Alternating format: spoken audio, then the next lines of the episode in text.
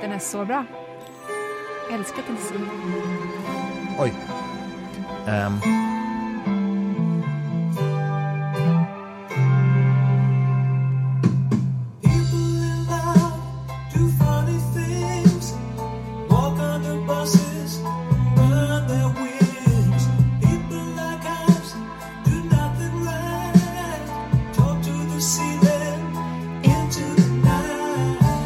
Alltså de är verkligen underskattade. Ja, jag vet. Tennessee. Jag gillar Tennessee mycket mer än Alan Parsons Pro- Project. Ja, det går inte ens att jämföra. Nej. Alan Parsons Men det är studiemusik fortfarande. Ja, Hård fast, studiemusik.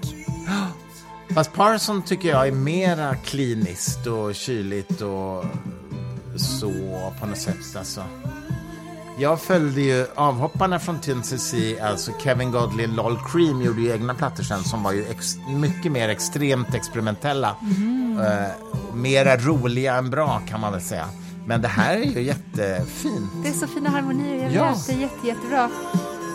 Den här borde vi prova vid flygen. Ja! Varför? Den här måste ju finnas på noter. Och vi kan sjunga den ihop då. Ja, men är du tokig? Jättemysigt.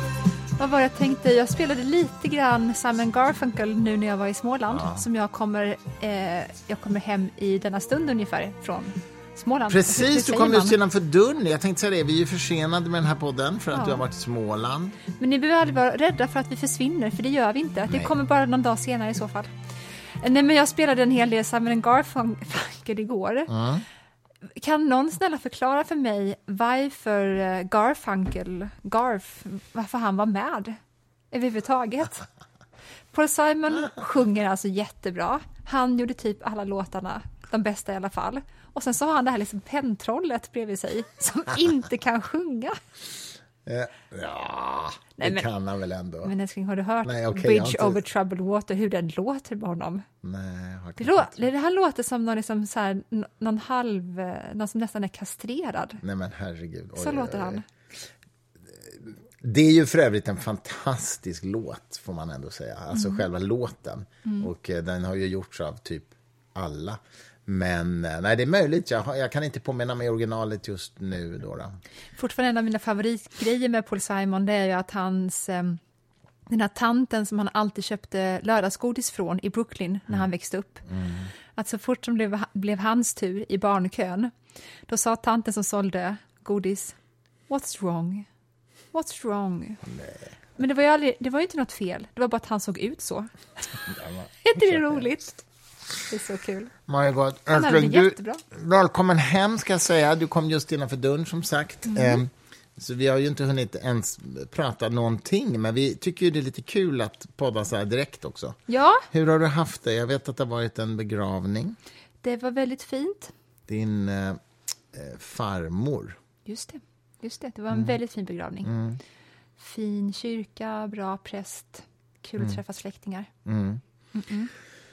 Så nu, nu är det liksom avklarat och livet går vidare. Spelat tusen partier schack mot min pappa. Ja, du har det, Jag va? tror att vi spelade kanske 15 partier per kväll. Nej. Jo. Jag skämtar inte. Jag ska ju faktiskt på Schackakademin ikväll. Som ju är... Vet du vem som startade Schackakademin? Börje Ahlstedt. Nej. Harry Schein, Erik Penser och Hasse Alfredsson. Shut up! Ja, visst är det kul? Nej, Men det blev så... Jag Harry blev så Schein var glad. första ordföranden, tror jag, om jag minns rätt. Och sen Erik Penser och Hasse Alfredsson var inblandad också. Ja, ja, det var ju väldigt länge sedan. Vilken inte- grej alltså. De hade alltså ett schackintresse uppenbarligen. Ja, ja, ja. Verkligen alltså. Och eh, det är lite kul för Schackakademin som man då blir invald i, som jag blev invald i för några år sedan. Man kan bli invald på tre kriterier där. Antingen så är man jävligt duktig på att spela schack. Det var inte det kriteriet jag invald på. för då är man typ så här stormästare alltså. Eller så har man väldigt mycket pengar som sponsrar svenskt schack och det är inte heller kriteriet jag blev med på vad du gör. jag kom in på liksom clownklassen, det vill säga de som anses kanske kunna bidra liksom lite grann till marknadsföringen av schack så här, i populärkulturen. Ja, ja, ja, ja, ja. Jag ser hur de tänker, jag förstår hur de tänker. Lite kränkt att inte jag är inbjuden. Nu skulle inte jag riktigt klara av att behöva dyka upp på saker. Nej, Det du vill skulle jag ju få inte. ADHD-slag om du... Jag klarar ju bara av att vara hemma och att spännande människor kommer hem till oss. ja, ja, ja. Nej, men det ska bli jättekul. Kan du berätta lite grann om det i nästa podd då? Det kan jag göra, absolut. Nej, men det är ju några träffar om året och då är det alltid, dels är det sån här formalia genomgång av liksom föreningsprotokoll och sådär, men sen är det ju liksom alltid någon som har något kort föredrag och så är det någon, någonting liksom och så får man lite mat och vin och sådär. Det är, det är trevligt. Var faktiskt. är det för någonstans? Ja, just i den här gången så är det på ett kontor i en av Hötorgsskraporna där, du vet. De där höga. Vilket är lite roligt faktiskt, för att jag hade ju, eller jag, vi, massa folk var det ju på den tiden i bolaget Cell Network som jag startade på 90-talet, hade ju sitt kontor i den skrapan. Åh, Så att eh, det är ju hemtama trakter faktiskt. walking down memory lane Ja. blir det för dig idag. Det, det, ja, precis, lite, lite så. Men sen kommer jag hem igen, så då ska vi ha det mysigt. Ja, jag hörde ju... Var Får du någon middag ikväll förresten? För jag, jag är ju inte hemma till middag. Jag kanske äter sån här middag som tjejer äter när de är själva. typ en bit buffelmozzarella ungefär. Tjejer... det var tjejer äter när de är ensamma. Är det så? Mm. Ja, nej men eh, jag lyssnade ju faktiskt på din eh, podd med Mårten Schultz. Mm. Ja, just det. Den släpptes i helgen. Ja, just det. Precis på Fri Tanke-podden. Mm. Och jag rekommenderar verkligen den. Den är jätte, jättebra. Visst är det intressant? Alltså. Han är ju Apropå rätt... Cell Network och att han följde dig då när han Ja, var yngre. Precis, och han var ju tidigt engagerad också i liksom interneträttsfrågor och sådär. har Mm. han ju hållit på mycket med. Ja, visst. Och, eh, och han är ju också, han pluggade ju både juridik, han är ju professor i juridik nu på Stockholms universitet, men han pluggade ju både juridik och filosofi. Och så att hans, Samtidigt. Samtidigt, ja precis. Så han är, hans intresse är ju mycket rättsfilosofi, så att säga. Hans avhandling handlade om kausalitet i juridiken utifrån David Humes kausalitetsbegrepp. Och, eh, eh, men det är skitintressant faktiskt. Och Sverige har ju en tradition inom det som man kallar för rättspositivistisk lagtillämpning. Som, ja, jag, jag ska inte ens försöka ge mig på att förklara vad det är, men det är i alla fall en, en slags rättsfilosofisk tradition som skiljer sig lite grann från övriga Europa. Och det är då den som kommer från Uppsala skolan. Ja, just det. Den har sina rötter i det, kan man säga. Jag skulle verkligen vilja veta, vi måste bjuda hem honom på middag på Mm, riktigt, för jag skulle verkligen vilja veta hur Uppsala skolan på samma sätt då som vinkretsen, för det är samma idékluster kan man säga, Mm. eller? Eh, ja, det tror jag. Oj, jag är inte hundra, men det har säkert släktskap i alla fall. Okej. På vilket sätt som det då tar sig uttryck i juridiken till skillnad från då de länder som snarare har en religiös värdegrund Mm. som låter sig ta sig till uttryck i juridiken? Mm. För det finns ju inte på samma sätt här i Sverige. Det är ju inte en, en stark kristenhet som ligger till grund Nej. för vårt rättssystem Nej, och där är nej, vi ganska unika. Vilket ju i grunden handlar tror jag, om den moralfilosofiska skolan som Axel Hägerström på något sätt definierade, som är Uppsala skolan när det gäller moralfilosofi i alla fall. Och den har, den har kopplingar till rättspositivismen, tror jag. Jag tror att en effekt, alltså nu, jag är ju verkligen inte jurist eller filosof, men en grej är till exempel att man är ganska bokstavstolkande av lagen. Alltså, till exempel så har man sagt att nu har det ändrats har jag förstått på lite senare tid, men att, att icke-handling kan inte vara kausalt orsakande, vilket leder ju till att i alla fall förr i tiden att man liksom inte kunde dömas för att inte ha ingripit när en människa höll på att drunkna till exempel. Just det. Men, men så är det inte längre. Och, eh, men, det, men det här är i alla fall en skillnad liksom, från eh, Frankrike har jag förstått. Ja, som sagt, det här får du fråga Mårten Schultz om. Jag kan inte detta riktigt. Han var så snärtig och tydlig i språket också, Mårten. Nej, men han är jätterolig. Jag har känt honom i ganska många år nu. Och eh, Det är ju en extremt begåvad person. Alltså. Och, eh, han är ju inblandad i alla möjliga rättsfrågor Sverige. Allt ifrån statliga utredningar som, och till advisor till enskilda rättsfall som är spännande. Bland annat berättar han ju i den podden om det här fas 4-rättsfallet där alltså ett antal personer i en kommun har fått rätt mot mot staten, mot vattenverket eh, därför att det har spridits något gift i, i vattnet som drastiskt ökar risken för cancer. Mm. Och det här är ju ett prejudicerande, för det gick upp ända till Högsta domstolen där de till slut vann. Jag tror de håller på i tio år med den här processen. Och det är dessutom den första Högsta domstolen i världen som eh, dömer, till, dömer i den här frågan. Vilket innebär att, enligt Mårten, att det här kommer att få återverkningar även på amerikanska rättsfall som har med samma gift att göra, så att säga. Därför att högsta domstolar så att säga har kontakt med varandra. Men det är också jätteintressant, därför grundfrågan där, som jag förstod det, det är ju att vad är en personskada? Och om en person har fått i sig ett gift, om vi bara som tankeexperiment, risken att få cancer normalt sett är en promille, säger vi. Men det här giftet man har fått i sig gör att risken är 50 procent. Mm. Men man har inte fått cancer än. Nej. Har det då uppstått en personskada? Mm. Och det, jag, menar, jag inser ju att det är liksom juridiskt komplicerat. Det kan ju hända att en person aldrig får cancer. Nej, precis. Och då skulle det vara ifall det finns kanske då eh, att man har varit vårdslös. Och att den vårdslösheten, i det finns det ett potential till fara och till och med död. Så vårdslösheten, mm. man har ju varit vårdslös oavsett ifall man får cancer eller ej. Ja, men det, jag tror inte att det är så la, lagen är konstruerad. För att i det här fallet så är det det här vattenverket, de har en, eh, en skyldighet att leverera rent vatten. Mm. Så, de, så i den meningen kan man säga att vårdslösheten är konstaterad. Mm. Men i Sverige är det ju så att man normalt sett får skadestånd om det har uppstått en skada. Mm. Så att om någon är vårdslös men det har ingen effekt, då får man ingen, inget, men, eh, inget skadestånd normalt sett. Men den psykiska oron som man måste bära då, ja, det är, en det är ju en viss skada. Och nu har mm. man också uppvärderat psykisk ohälsa, till exempel mm. att psykisk misshandel går att straffa i nära relationer. Ja. Så att psyket och Psyket är uppgraderat inom juridiken i alla mm. fall. Det är inte bara kroppsliga skador ja. som gäller Och det längre. kanske har spelat in i den här prövningen då, eftersom Högsta domstolen dömde det ändå som en kroppsskada, trots, mm. även i de fall där det inte hade uppstått en kroppsskada ännu. Ja, ja, ja, ja. Så det kan hända att det spelar in, det vet jag inte. Men, nej, men det är jätteintressant. Det här är ju liksom rättsfilosofiska frågor. Men vad har du, liksom, vad har du gjort när jag har varit borta? Ja, vad har jag gjort? Jag har läst en bok om Klarna, eh, alltså Klarnas uppgång, alltså, alltså rent entreprenörs... Eh, vad heter det? Journalistiskt reportage om Klarna som ju är en av Sveriges stora ska vi säga, internetföretagssuccéer, får man ändå säga. Sen är det ju jätteomdiskuterat av massa etiska skäl, men jag menar som företag när det gäller lönsamhet och expansion så är det ju ett, ett lyckat, mm. väldigt lyckat eh, projekt. Och det är ganska kul att läsa om det. Dels för att det är ju, min egen bakgrund är ju inom it och internet, så, branschen. Men också för att till exempel Sven Hagströmer som är min partner i Fri Tanke, han är en av de tidiga investerarna i Klarna, så han är ju med i den här boken ganska mycket. Så det, är roligt, roligt, det är roligt att läsa. Roligt att läsa. Och det är ju en, det är ju en företagssaga också med en del mörka sidor, liksom, där grundaren och vdn fick alkoholproblem. Det har han varit öppen med och det står också i boken. Sommarprat gjorde han. Han berättar om det. Som, ja. mm. Och eh, det var ju tre killar från Handel som startade här. Och, eh, det är en skildring av den företagskulturen och hur de, hur de byggde upp den och så där som är väldigt intressant för där jag känner igen mycket från min tid på 90-talet.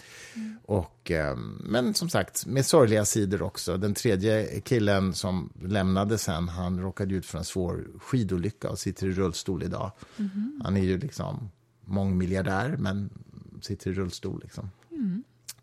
Och, men hur, hur, hur har han klarat det då? Jo, men jag, för det första har jag inte läst ut boken, så den olyckan har inte hänt ännu. Men, eh, eh, så det vet jag inte egentligen. Men han bor mm. utomlands nu, tror jag, med sin familj.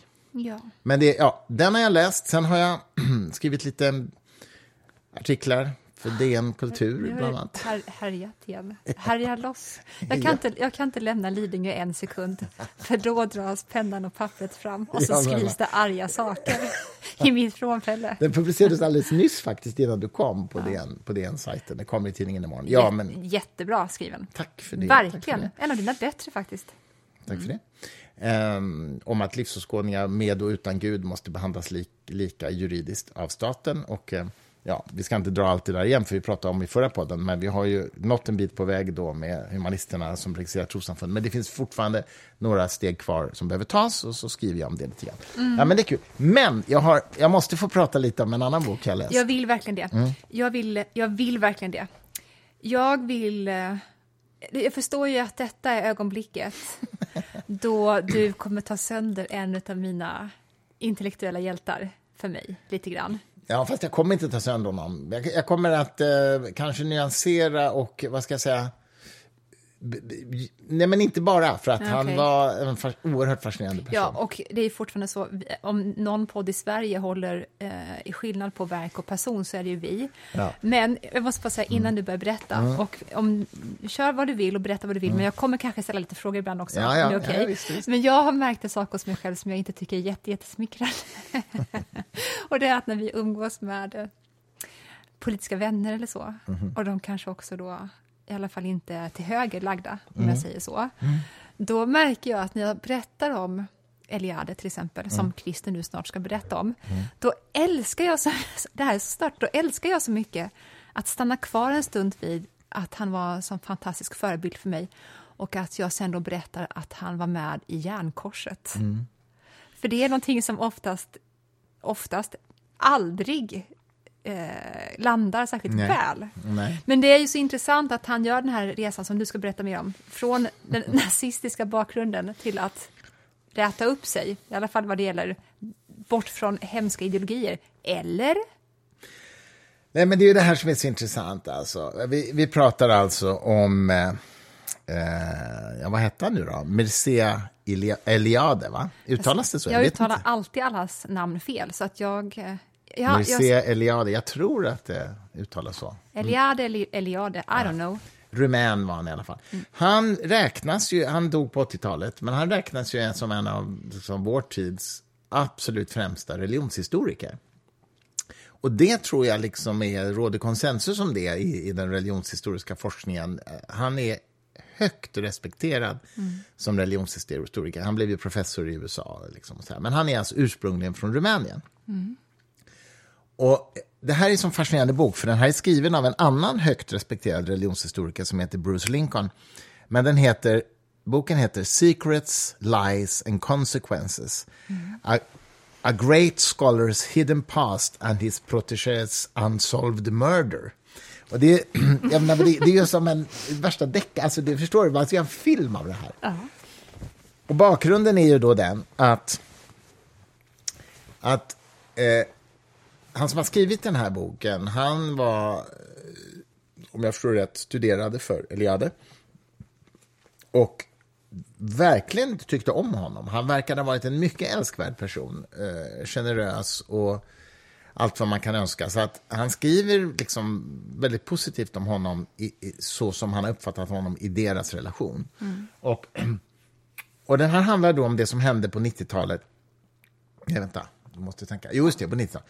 Eh, för då är det så att hans, Eliades eh, främsta lärjunge, som Eliade själv utsåg som sin efterträdare, nu kommer jag inte ihåg alla namn och sånt där, det spelar ingen roll. ingenting. Han eh, är i alla fall den som jobbade närmast Eliade, som också respekterade honom oerhört mycket. Och han blev anförtrodd av Eliade att ta hand om hans liksom, samlade verk och sådär när han började.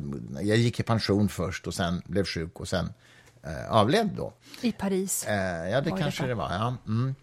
Eh, men i alla fall, innan Eliade dog så började det uppstå en liten spänning mellan dem. Där, därför att den här lärjungen, eller vad vi ska kalla det, hans adept, började titta på vad Eliade hade skrivit på, den, på 30-talet när han fortfarande var verksam i, i Rumänien. Och då är det så att han hade ett, vi ska komma till det, men han hade kopplingar som, in, som Eliade själv ville liksom hålla borta från offentligheten. Vad som händer i alla fall, innan jag berättar om, det, om de kopplingarna, det är att att Eliade går bort och eh, den här eh, adepten då som förvaltar hans arkiv eh, börjar prata om att han ska publicera saker om Eliades bakgrund. Och grejen är att jag tror inte han gör, han gör inte det för att han vill skada Eliade, för att han har jättestor respekt för honom. Men han gör det för att han är forskare och han vill liksom ja, berätta som det var helt enkelt.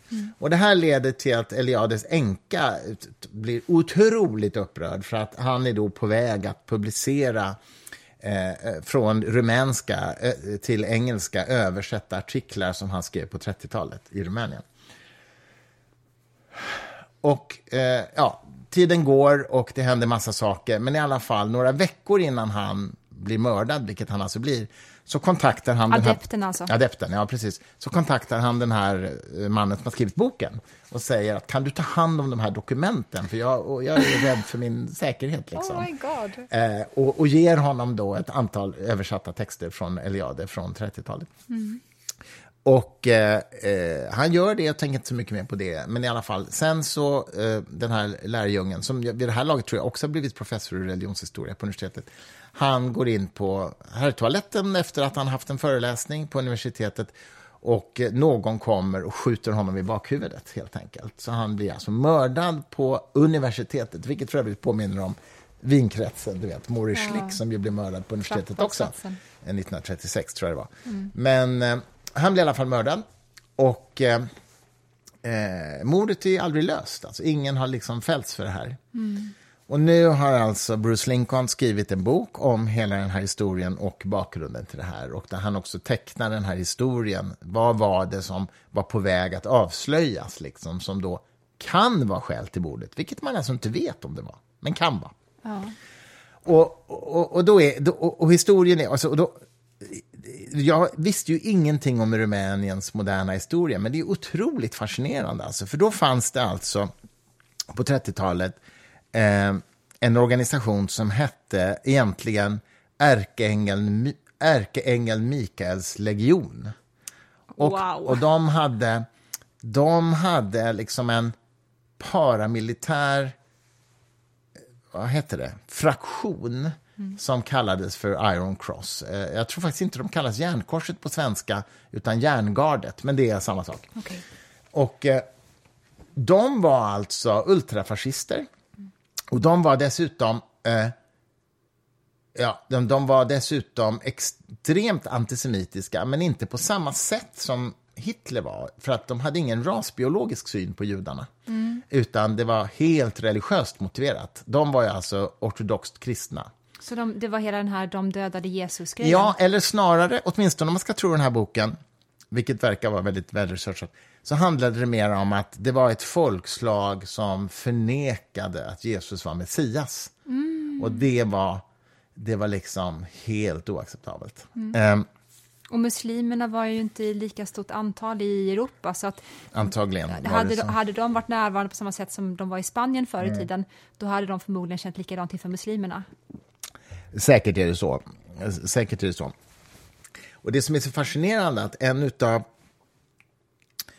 vad ska vi säga, de tongivande krafterna, inte i den här terrorfraktionen, utan i ärkeängeln Mikaels legionärer, eller vad man nu ska kalla det på svenska, var en annan professor på den tiden eh, i Rumänien. Ja. Men han var professor i teoretisk filosofi och logik, så att han var ju liksom... Your crowd. My crowd. Ja. Men eh, extremt religiös, alltså eh, ortodox kristen. Mm, mm. Så han var ju en kombination av detta, eh, av, av så att säga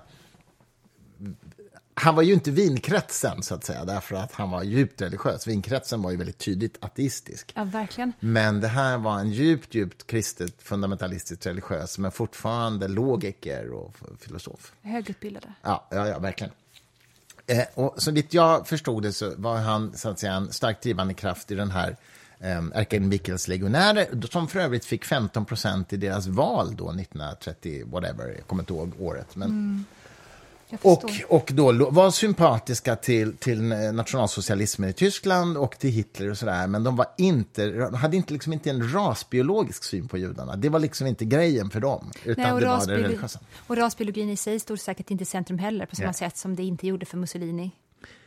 Nej, exakt. I den meningen finns det en likhet med Mussolini. Men, men som den här historikern skriver då, så är det så att det fanns ju flera heter det, fascistiska rörelser i Europa vid den här tiden, men de var även om de inte var direkt uttalat sekulära så hade de i alla fall liksom inte några särskilt religiösa konnotationer, eller inte mycket i alla fall. Men till skillnad från den här grupperingen, där det, var, det religiösa perspektivet var liksom helt dominerande, mm. det kristna perspektivet. Mm. Um, och, och du vet, den här um, järngardet, de begick såna fruktansvärda eh, terrorhandlingar mot judar, så jag ska inte ens berätta om det, alltså, men de gjorde så hemska saker så att det finns inte. I vilket fall som helst. Mm. Vi måste bara rama in det. Det är 30-talet mm. och Eliade är här nu förmodligen 18-19. Och gammal? Eh, ja, men han var kvar ganska länge. Så att, ja, med började där med sitt engagemang, men fortsatte ett tag till innan han lämnade Rumänien. Men, mm. men, men i alla fall, alla de här, inklusive Eliade, hade ju då en kristen ortodox och mm, mm, kan man säga mys, alltså, kristen mystikertradition. Så att det handlade liksom om det här med Ja, men du vet ju mer om det här än jag, men alltså att gå tillbaka till en slags ursprunglig och också idéer om att liksom kristendomen och Kristus var liksom arketyper för någonting. Men de vände sig väldigt starkt emot rationalismen, det rationella mm. projektet, eh, liksom moderniteten och sådär. Va? Mm. Man skulle liksom tillbaka till det här. Men de ovanpå det la den här enormt religiöst färgade då antisemitismen och att de så att säga menade att vi måste använda våldsamma metoder för att liksom återföra folket till den sanna tron, så att säga. I Eliades bok Den eviga återkomsten mm. så beskriver han, om jag bara ska dra det väldigt kort då, hur i princip människans öde vilar i händerna på de ortodoxa. Och detta skriver han mm. ju då när han är mycket äldre och då är det inte så att han är fixerad vid att bara katolicismen mm. är det mm. enda som kan rädda människan från um, helveteskapet, utan då är det snarare så att han breddar sitt perspektiv på religionerna och säger att de ortodoxa i alla religioner är de som står för den nödvändiga strukturen mm. som måste finnas för att människan inte ska gå förlorad. Mm. Så att den här hela tanken som, som jag i garanterat är, den här smörgåsbots mm. Eh, personen som plockar cherries from the cookies från mm. alla tänkbara religioner vi är skabbet liksom, i Eliades värld som mm. eh, ser till så att de ortodoxa inte får nog med kraft. Och vi tunnar också ut religionen genom att göra den till vår egen, så att mm. säga. Mm. Därför att eh, den eviga återkomsten eh, vilar på att samma struktur byggs om och om igen. Mm. Så vi människor tillför infrastrukturen för andligheten och mm, den får mm. inte mäckas med. Nej. Nej, men, nej, men, precis. Ja, men precis. Men det är ändå fascinerande då att den här legionen, då, ärkeängeln region, får alltså 15,5 procent i valet. Jag ser nu i mina papper att det var 1937. Så det är klart att det här samsynkar ju liksom med nationalsocialismens framväxt. Mm. Men den har alltså en helt annan liksom, motiverande faktor än vad nationalsocialismen hade ändå. Mm. Um, men i alla fall, vad som händer är då att, att Eliade som redan där eh, är liksom på väg att bli en aktad akademiker. Han skriver, jag vet inte om det är 15 artiklar de har hittat liksom, som försvarar järngardet och legionens verksamhet. Och liksom, det här är nödvändigt för liksom, att återupprätta folkets andliga hemvist och så vidare. Och, och, eh, och om vi nu snabbt fast forward till, till nutiden, eller i alla fall när, när han blir en aktad professor i USA, så, så vill han ju liksom inte kännas vid det här. Och säkerligen är det så att han inte var, li var lika radikal när han var äldre. Det skedde säkert en förändring hos honom också. Men han gör ganska mycket för att liksom se till att det här inte kommer fram. Va? Så ska man aldrig göra. Nej, det är inget bra. Men, men det som, det som liksom framgår nu då eh, i, i den här författarens liksom efterforskningar efter mordet på hans adept, det är ju att det finns flera teorier. En teori är att det var resterna av rumänska Securitate, alltså Ceausescus säkerhetsfolk, som mördade hans adept. Det är en teori. Varför då? Um, Ja, det är, kan jag inte riktigt svara på. Han ja. tror själv inte på den teorin heller, han som har skrivit boken. Okay. Men en annan är alltså att det finns tydligen, när det här hände i början på 90-talet, eh, legionärer, alltså ärkeängeln Mikaels legionärers... Det, fann, det fanns liksom sällskap i USA som fortfarande hörde till det här. Mm. Och Eliade hade tydligen en del kontakter med dem. Nej. Alltså även när han var ja, gammal och ja. liksom professor på ett ansett amerikanskt ja. universitet. Återuppleva gamla minnen och ja, sånt där, när liksom, vi skänd, liksom skändade judiska familjer. Ja, och han var liksom... Jag tror inte han var liksom, skulle sympatisera till terrorhandlingar och sådär på äldre dagar, men han tyckte nog ändå att det låg någonting i, det, i deras mission. Liksom. Ja. Sådär, så att han var inte... Han tog liksom inte avstånd riktigt. Nej. Men, så det är en teori att det var någon av dem då som, som liksom ville För där var han ju väldigt... Skydda de- honom och hans ja, skydda minne. honom för hans, han, precis, för att han var Skydda- otroligt hedrad liksom bland dem. Han var ju liksom en världsauktoritet på De religionshistoria. fattade väl också att här, den här boken eventuellt inte skulle vara en glorifiering utav Ja, ja, den här exakt, kretsen. Men den tredje hypotesen, som jag, jag... Han säger inte rakt ut, men jag får ändå en känsla av att det kanske är den som författaren tror på mest. Det är ju att det är Eliades änka som har lejt en mördare för att ta koll på honom. För han vill, hon hyllar fortfarande sin man och hon har liksom någon du vet, fotografi och lägger blommor hemma framför. Han, hon är död nu också, men när det här hände eh, hade liksom det hemma och vördade hans minne och sådär. Och, och, och, och hon var också akademiker liksom en parant aristokrat från Rumänien också då. Ehm, De fuckar man inte med. de fuckar man inte med. Och det, det kan vara så att hon lejde en mördare för att värna sin, man, sin döda mans minne helt enkelt. När du berättade om det här nu så kunde jag inte låta bli att tänka hur arg jag skulle bli ifall någon Det behöver vi inte. Ja, jag, har pratar inte illa om dig. jag har inte haft samröre med järngardet i alla fall. Det I alla säga. fall. Åtminstone. Men det är verkligen en fascinerande bok, för att det är en bok som är som total mix av superintressant europeisk historia från 1900-talet, religionsfilosofisk historia och true crime. Liksom. Förstår du vilken mix? va? Ja, jag älskar Jag kommer börja läsa den ikväll Ja. när du ska ha kul. Men vad heter det, varför är den så kort? Det gör mig lite Ja, den, ja, den är kort. Den är på 130 sidor. Sen är det väl typ 60 sidor referenser och noter och sånt där som man kan gå vidare Wow, till. vad om man vill. konstigt. Men det är verkligen en... Alltså, du vet, den är utgiven på eh, Oxford University Press, så det här är ju liksom ingen sensationsbok, så att säga. Utan det är ju på ett universitetsakademiskt förlag. Ja. Serious Amazing. shit. Ja. Jag tror att eh, Eliade kommer bli en sån som dyker upp i podden fler gånger. Faktiskt. Eller ja, ja. Och, och jag ska säga det, även, även hans lärjunge eh, sk sk har skrivit väldigt, väldigt varmt om honom, trots att han liksom var på väg att avslöja hans historia. Så det, det är fascinerande. Då, då, han högaktade honom, så som den han var som gammal professor. Det finns ju jättemycket material på Youtube eh, Mm. om Eliade och föreläsningar om honom och sådär. Så att det finns verkligen... Jo, men, precis. men ingen riktig sån dokumentärfilm om Nej, honom. men det, är kan jag konstigt. säga, det finns det fan inte om någon. Jag blir galen. Varför finns det inte det om någon? Det finns ju bara dokumentärer om psykedelika. Det är allt som finns överallt. Vill, det finns ingen vettig dokumentär om Jung heller. Nej, det är konstigt faktiskt. Ja. Men höll med om att det var inte en fullständig rasering av din intellektuella förebild här, det, ändå. Ja, nej, jag hade ju hoppats att han eh, hade varit mer konkret med sitt avståndstagande. Såklart.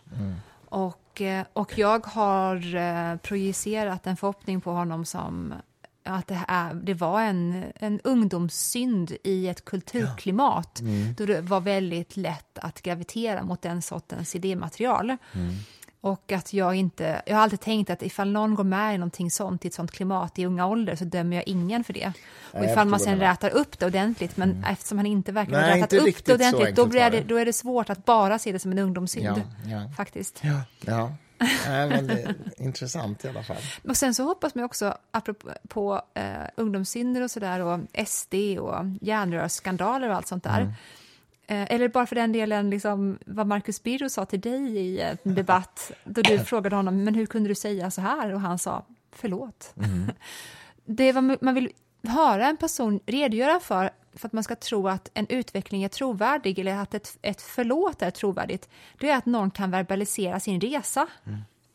Det är ju nödvändigt för att ens eh, återvunna förtroende ska få fäste hos den här personen. Den måste kunna ge uttryck för den här processen som den har gått igenom. Och det har- hade jag nog, inser jag nu, nät en förhoppning om att Eliade hade redogjort för jag i bokform. förstår, ja. Men det verkar inte ha funnits då heller. Nej, det har, nej, det har han inte gjort. Det har han inte gjort. Han försökte mörka det så mycket han kunde. Ja. Ja, det tyder inte i min bok på själslig mognad. Jag måste berätta en annan sak. Jag, jag spelade in en, en podd i min alltså Efter tanke-podd idag med Klaus Stein som har skrivit en bok eh, som vi har gett ut som heter Det vi aldrig talade om som handlar om hans tyska släkt och de mörka hemligheterna. Han är alltså eh, han är läkare i Sverige idag, allmänpraktiserande läkare eh, i Värmland men, men växte upp i Tyskland. Och det är otroligt, det, det finns mycket att berätta om detta, men jag vill bara nämna en väldigt intressant sak. För han, han menar att Tyskland har inte gjort upp med det, sitt nazistiska förflutna. Eller rätt sagt, jo, gjorde alldeles, alldeles för sent upp med sitt nazistiska förflutna. Bland annat berättade han en grej som jag inte hade någon aning om. Att på 30 och 40-talet så kom det ut en bok om barnuppfostran av en tysk läkare. Hanna någonting hette hon. Du vet ungefär Anna Wahlgrens Barnaboken som kom ut i Sverige som blev extremt populär. Den här boken fick samma status i Tyskland som liksom den boken som kvinnor ska lära sig om sin graviditet, om sin förlossning. På 30 och 40-talet kom den ja, ut? Ja, den kom, ja, den kom ut. Och, och, eh, och hur man ska liksom hantera barnen direkt när de är nyfödda och liksom första årens barnuppfostran. Liksom hela den grejen. Det blev liksom barnuppfostrans bibeln. Ja. Och den var då väldigt nazistiskt anstruken. Hon var själv, hon som skrev den, medlem i nazistpartiet. Och eh, eh, han citerade i podden några grejer ur den boken som var så här fullständigt bizarra. Mm -hmm. Och då tänker man så här, ja, ja, som bok, att den kom ut liksom på 30-talet, ja, men det var ju så på den tiden. Mm. Och så berättar så här, den trycktes sista gången i, i Tyskland 1987. Så fram tills dess var det liksom en bok som folk köpte när de skulle få barn. Mm. Och han berättar att det här det har också präglat väldigt mycket den tyska synen på barnuppfostran. Sån här, man, ska inte vara, man ska inte ta upp barnen i onödan och man ska inte amma dem när de skriker utan man ska ha regel, vad heter det, schemalagd amning och massa såna idéer. Men eh, det kan ju vara så bara att väldigt många människor hade de här uppfattningarna långt efter kriget. Och eftersom det är en tryckfrihet mm. som råder där också, ja. så kan det bara vara så att de som också var halvantisemiter mm. och hade den här uppfattningen köpte den här boken på samma sätt som att det går att köpa Mein Kampf ungefär. Ja, jo, och den jo, trycks visst. också. Ja, jo visst, så kan det vara. Men jag menar, han menade på att den, hade, den, att den präglade synen på barnuppfostran väldigt länge i, i Tyskland. Långt, långt, långt efter kriget, menar han. Ja, jag förstår. Och, och det är intressant alltså. Hans morfar var eh, läkare och eh, en mycket våldsam man som misshandlade hans mormor jättemycket. Eh, och eh, han var väl inte uttalad nazist, men han var anpasslig kan man säga. Ja. Mormor däremot var uttalad antinazist. Hon tog sitt liv. Liksom. Så det är en väldigt mörk släkthistoria. Oh, men fascinerande berättelse. Så den har inte släppts än, den podden, men den kan jag faktiskt tillåta mig att tipsa om också. Och hans bok heter? Allt vi aldrig talade om. Finns att köpa på fritanke.se, eller ja, hur? precis. Jag är ju också nu besatt av att se den här filmen The Zone of Interest. Ja, som vänta, handlar om han som var um, chef för, uh, var det Auschwitz? Ja. Något utav ja. i alla fall koncentrationslägren. Mm. Ja, men det var Auschwitz. För att eh, jag har sett på tidigare hur han levde med sin familj i ett vackert hus med en fin tomt och sådär. Och det var bara vägg i vägg till lägret. Det är så bisarrt. Eh, om jag förstått det rätt så är det inte så att man, man får liksom inga kamerainblickar till koncentrationslägret, utan det är en familj. Det är, man mm. ser dem i den dynamiken i trädgården och i hemmet. Mm. Jag måste Intressant. se den. Ja. ja, det låter ju som att Så himla bra titel också. Verkligen otroligt intressant. Claes Stein berättade idag om eh, sekundärtrauman, apropå det du säger, att människor som växte upp, ett barn som växte upp i slutet av kriget överför trauman till sina barn mm. och som går vidare liksom generation för generation. Mm. Och det, um, han har hållit på med det mycket. Den här, eh, författaren som också är läkare alltså har sysslat mycket med den typen av sekundärtrauma. Det är väldigt intressant. Jung brukar ju alltid säga, jag vill i första hand eh, få inblick i morföräldrarna och farföräldrarna. Mm. Det är samma ord på tyska, men alltså det är inte mm. föräldrarna i första hand som han ville förstå hur de var, utan det var de, generationen innan. Ja, just det. Ja, och det är ju verkligen i samklang med det som Stein, Klaus, Klaus Stein berättade om. Mm. Andra generationens trauman, mm. nedärvda trauman. Mm. Mm. Ja, det är superintressant. Nedärvda trauman, ja det där är ett samtal som är för, för långt. Nedärvda. Du, det känns jättekonstigt nu att det enda som jag hade med mig in i podden, det var att efter att du då har pratat om det här jätteallvarliga, så ska jag då läsa upp en lista på mina favoritgubbar. Shoot! Ska jag det då ändå? Ja, ja, ja. Har du suttit på tåget och tåtat ihop en sån lista? Tåtat! Ofta man säger så. Tåtat ihop, ja. Det är så sjukt också hur du alltid säger när jag går någonstans. Mm. Då lägger du alltid till en ljudeffekt när jag ska gå någonstans genom att säga så här. Är det för att jag går konstigt? Det låter ju så. Nej. Det låter så! Nej, nej, nej. Shoot, okay, gubbarna. What about them? Ja, men, um, jag måste börja sluta ha en lätt tendens till hånfullhet när jag pratar om genus, för att jag inser att det här kanske är en del av min skuggsida. Mm. Och att det är därför jag har haft så svårt för att anamma den här moderna synen på vad könsidentitet kan innebära för någonting. Och jag, jag har ju alltid vetat att på insidan, och jag hoppas att inte att du blir avtänd på mig nu, men på insidan så är ju jag en en eh, 70-årig man. Mm, men jag vet, du har ju alltid varit, haft kompisar som har varit typ 70-åriga män som du har prat, suttit och pratat med mm. timmar. Jag, det finns ju det är ingenting ju som... polare liksom. Ja, mm. för jag är en av dem. Ja, ja, jag känner jag igen mig dem och jag känner mig aldrig så obekväm som när jag ska umgås med unga kvinnor. Nej. För jag vet inte vad jag ska göra med dem. vad ska jag göra med dem? Nej. Nej. Det är inte den som vill prata smink och kläder direkt, förutom när du jobbar med smink och kläder, vilket det är också, du faktiskt har gjort. Det är också jättesjukt. Ja. Mm. Eh, men det är också kanske någon del av skuggsidan då, att jag har levt ut den här kvinnligheten någonstans då. Jag gillade ju inte det, men jag känner ju bra med, jag jobbade alltså som klädstylist ja, ja, under, efter mina universitetsår, för jag behövde försörja mm. mig. Mm. Don't judge me. Tillbaka till då mina favoritgubbar som jag eh, Eh, Tom Wilkinson har ju tyvärr dött då. Ja, skådespelare. skådespelare. Har ni inte sett filmen Michael Clayton med George Clooney? Det är väl mm. det enda vettiga George Clooney kanske gjort. Så se den.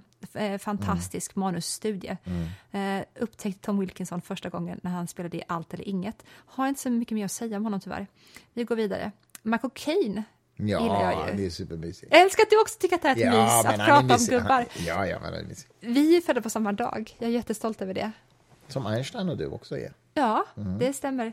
Eh, jag vill ju alltid då sitta och pra prata med farbröderna och att vi sitter i något kanske Oxford-aktigt bibliotek och mm. dricker något jättekärvt vin och pratar om, mm. inte vet jag, eh, andra världskriget eller någonting. Och det skulle jag ju inte kunna göra tror jag med McCain för att jag tror att han är inte jättesmart egentligen faktiskt. Jag tror att han tillhör dem som okay. har ett väldigt karismatiskt utseende men som inte har mycket bakom pannbenet. Och de få gångerna i mitt liv som jag träffat på de personerna så blir jag alltid jätteförbryllad. För annars brukar karisma och intelligens höra ihop. Mm. Men jag har verkligen träffat människor då de är otroligt, alltså man bara vill hålla för ögonen för att de har för mycket av allt. Mm. Och sen så är det ingenting där inne. Och eh, där, varför, right. varför, jag tror att Michael Caine är dum baserar jag bara på att jag lyssnade på en intervju med honom där han berättade om sin musiksmak. Och det var den sämsta musiksmaken ever. Alltså han gillar typ Britney Spears. Nej. Jo. Det säger han bara för att göra sig poppis bland yngre. Var, är det så tror du? Tror det finns hopp ändå. Ja. Vi ska snart köra in det till schacket. Um, I alla fall John Le Carré, såklart. Ja. Har ni inte sett The Pigeon Tunnel så se den, den här dokumentären Du har läst en bok liv. om honom nu? Jag håller på att läsa, jag har mm. några sidor kvar i hans biografi. Eh, och sen så då Dawkins såklart. Som, Richard Dawkins. Ja, mm. verkligen. Och jag märkte också då när jag gjorde den här listan, jag bryr mig liksom inte om om du är katolik eller ateist eller vad du är, bara du pratar engelska. Det är ett av de kriterierna. På ett sofistikerat sätt. På ett sofistikerat mm. sätt, exakt så, precis. Mm. Det, det är det bästa då. Och då går vi till Tolkien såklart också, motsatsen till Dawkins. Och sen då eh, chefsdirigenten förr i tiden för Berlinarna som heter Abado, som jag älskar så mycket. Mm. Även som han... du har ditt signerade porträtt av. Tack vare Vem har du fått den av? Ja, vem har fått den av? Abado, han pratade tyvärr inte så mycket så jag skulle nog bli ganska nervös av att umgås med honom i hans schweiziska mm. alphus. För att han var ju tyst mycket. Han... Mm. Eh, till skillnad från han som var chefsdirigent innan Abado, som var Karajan, som styrde med hela handen, så tänkte berlinarna när Abado kom att åh vilken mild person och han sa inte så mycket under repetitionerna. Och ändå blev det så bra på något vis. Mm. Tills den dagen kom då, då han lämnade repetitionen skulle gå till den här dörren som leder ut från konsertsalen, viska någonting i han som står därs öra och gå vidare ut därifrån. Mm. Varpå då den här personen går fram och bara berättar vilka som fått sparken. Och då är det jättemånga. Nej men gud. Men vad kul att du har med Dawkins på den där listan. Du, du har ju träffat honom på middag här hemma hos oss. Mm. Eh, då var han ju lite, lite trött. Men, men eh, jag har nämligen i helgen just sett en debatt mellan honom och en amerikansk kvinna som är som är ordförande för Concerned Women for America eller något sånt där som är såna kristen, Kons okay.